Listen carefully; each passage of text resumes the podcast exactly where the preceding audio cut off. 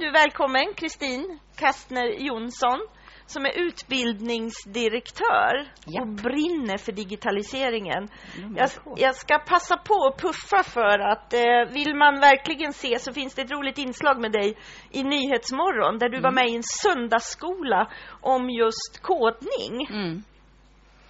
Eh, ja, vi drog igång för ett år sedan ett initiativ som heter Framtidens språk eh, som bygger på att vi började fundera på att eh, vi behöver bli mer innovativa i svensk skola när vi liksom pratar om digitalisering.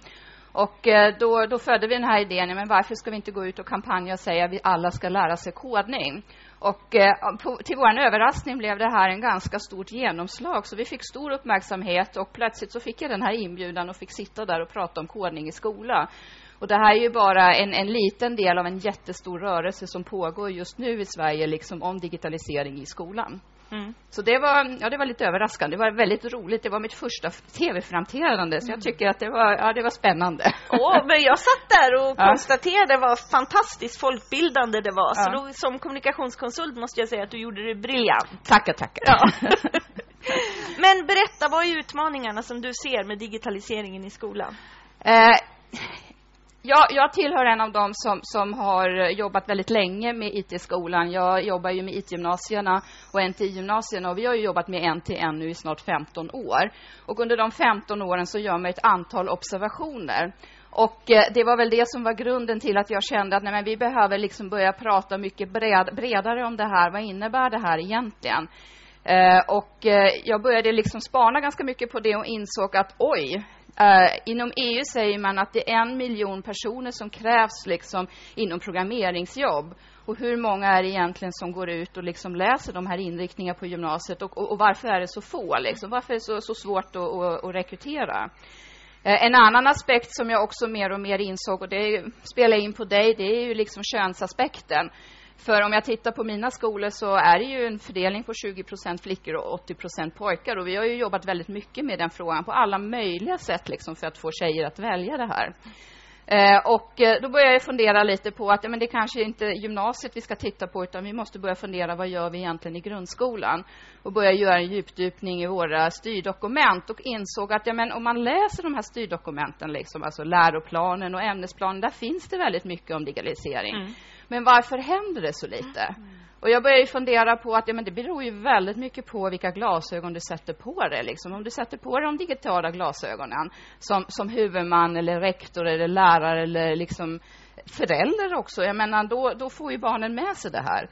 Men, men då är det ju beroende av vad man faktiskt gör det, så finns det ju antagligen då väldigt många barn som kanske inte får all den kunskap som, som vi idag tycker att man bör ha liksom, om man liksom lever i ett digitalt samhälle. Mm. Och det, det jag upptäckte mycket också, det, det jag saknar mycket är just den här förståelsen, vad är en maskin? Vem är det som styr maskinen? Att man faktiskt kan påverka. Och tänk på liksom barn och ungdomar idag. Jag tänker på mina egna barn. att ja, men Den här appen tycker jag inte till, alltså den funkar inte bra. Den här maskinen gör inte som jag vill. Alltså man vill ju påverka, gå in i koden och ändra. Alltså de har ett helt annat förhållningssätt än vi har. Vi står ju mest där och tänker att ja, ja, det här funkar inte så bra. Liksom. Så de vill ju in liksom och förändra. Och de verktygen får man ju inte automatiskt. Alltså de tycker att de ska de få. Jag tycker att när man går från grundskolan så ska du ha en förståelse att det är faktiskt människan som styr maskinen och hur, hur Ja, funkar detta. Eh, Så det, det saknar jag faktiskt. Och det andra som jag saknar är ju också att, da, säkerheten. Alltså jag tror att vi är alldeles för dåliga liksom att jobba just med, med frågor om datasäkerhet. Liksom. Alltså de avtrycken du gör ute i sociala medier eller i, på Twitter och så vidare, de finns där. De bilderna du publicerar, de finns där. Och jag tror att dagens unga är ganska dåliga på att egentligen riktigt förstå att ja, men, det här är mitt avtryck i, i en annan sorts värld.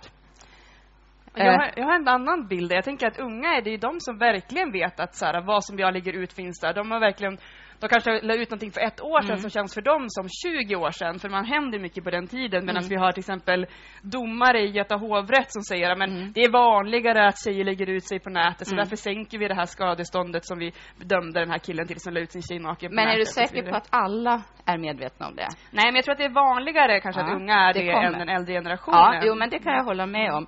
Men jag lägger ett annat perspektiv där. Jag tänker, jag är ju skolhuvudman Mm. och eh, en av de allra viktigaste uppdragen vi har i skolan det är att vara kompensatorisk. Det innebär liksom att alla barn, oavsett var du bor någonstans mm. i landet eller vilken kön eller vilket bakgrund mm. du har, ska ju ha samma utbildning och samma chanser. Mm.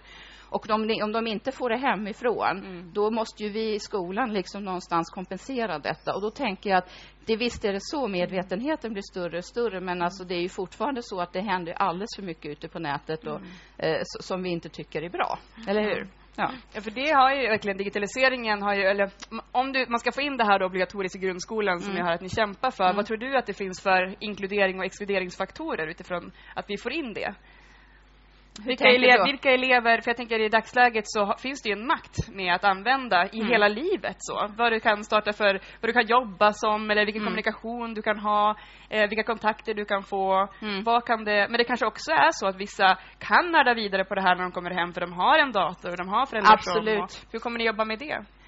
Eh, och det var många frågor på en gång. Jag tänker att det ju, idag är ju väldigt mycket så att om skolan inte kompenserar är ju beroende av vad dina föräldrar gör. Mm. Och det, självklart har ju familjen ett väldigt viktigt uppdrag, men alla har ju inte den chansen. Och då måste ju vi se till att alla får den chansen. Mm. Eh, sen är det ju så att alla har ju inte tillgång till digitala medel hemma fortfarande. Även om vi tror att det är så, mm. så vet jag att det inte är så. Mm. Eh, sen tänker jag också att, att om igen, att, att det gäller ju också att du får rätt att, att lärarna liksom har, har rätt inställning och rätt förståelse. Och om du då går i en skola där lärarna kanske känner sig osäkra på de här frågorna och du har föräldrar som är osäkra på de här frågorna, då får du inte svar på, på de frågorna som faktiskt behöver ställas. Mm. Så inte läxor då kopplat till kodning kanske, utan det som är nej, nej, läxorna är en annan diskussion. Jag, jag tycker att eh, läxor är, eh, läxor är för mig en fråga som, som har blivit väldigt aktuell nu de senaste veckorna. Men jag känner att jag tycker att barnen ska inte skickas hem med uppgifter där man är beroende av att man får hjälp. Mm. För att vara tydlig. Det vill säga att du behöver ha föräldrar eller du behöver liksom få hjälp externt liksom för att klara de frågorna. Då har vi gjort fel läxor i skolan. Mm. Men du, jag, apropå huvudmannafrågan, mm. när man har dig på plats, mm. där, eftersom för dig är digitaliseringen så naturlig mm. att förhålla sig till. Om, varför är det inte så eh, på djupet i, i så många fall? Vad behövs för att man ska förstå vad digitaliseringen faktiskt betyder och att det blir en integrerad del så att man väljer att tolka det som faktiskt står i läroplanen? I, ja. Mm. Fortbildning, utbildning. Eh, alltså, om man där, där, är ju också, jag vet, Digitaliseringskommissionen har ju kommit ut med sitt utlåtande om skolan och där gör man ju samma slutsats som, som jag också ser att jag tror att man måste börja göra väldigt mycket i lärarutbildningen och faktiskt ja. också i rektorsutbildningen. Mm. Eh, jag gjorde en egen liten privat undersökning häromdagen bland, jag har ju förmånen att jobba med 24 rektorer då och många av dem går i rektorsutbildningen och vi, vi, vi jag frågade en del av dem liksom, men pratar ni om digitalisering? Pratar ni om de här frågorna? Det kommer inte upp. Mm. Och sen om man tittar på, på, på lärarutbildningen, ja det finns kurser i detta men det är inte en självklarhet, de är valbara har vi förstått. Mm. Nu, nu kan inte jag alla lärarutbildningar men alltså de få som, som, som vi har tittat på, där ser vi ju liksom att det inte är självklart. Och jag har också träffat lärarstudenter som har sagt till mig, oj, alltså när jag kommer ut så kommer mina kollegor nog antagligen förvänta mig att jag behärskar de här sakerna, för jag är ju ung. Liksom. Mm. Det finns ju också en liten sån ja, här label, men ja. jag är ung och 25 år, liksom. jag ska kunna det här, men jag känner inte alls säker, mig säker på det. Mm. Och det, det, det, jag tror att, att man måste, om, om man liksom ska få en bred verkan i att tolka läroplanen, då måste man börja med fortbildning. Ja.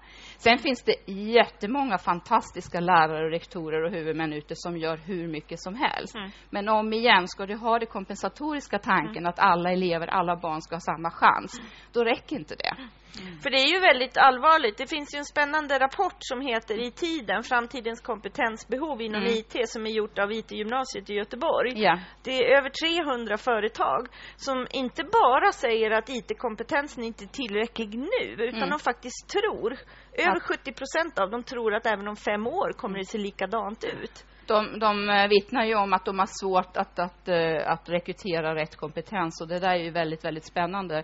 Och vi har ju vi har funderat väldigt mycket att eh, i och med nu den gymnasiereformen som genomfördes 2011 så gjorde man ju 18 nationella program mm. varav då det finns 61 olika inriktningar på de här programmen och av de 61 inriktningar är det bara två inriktningar där man läser alltså obligatoriskt, alltså IT-kurser.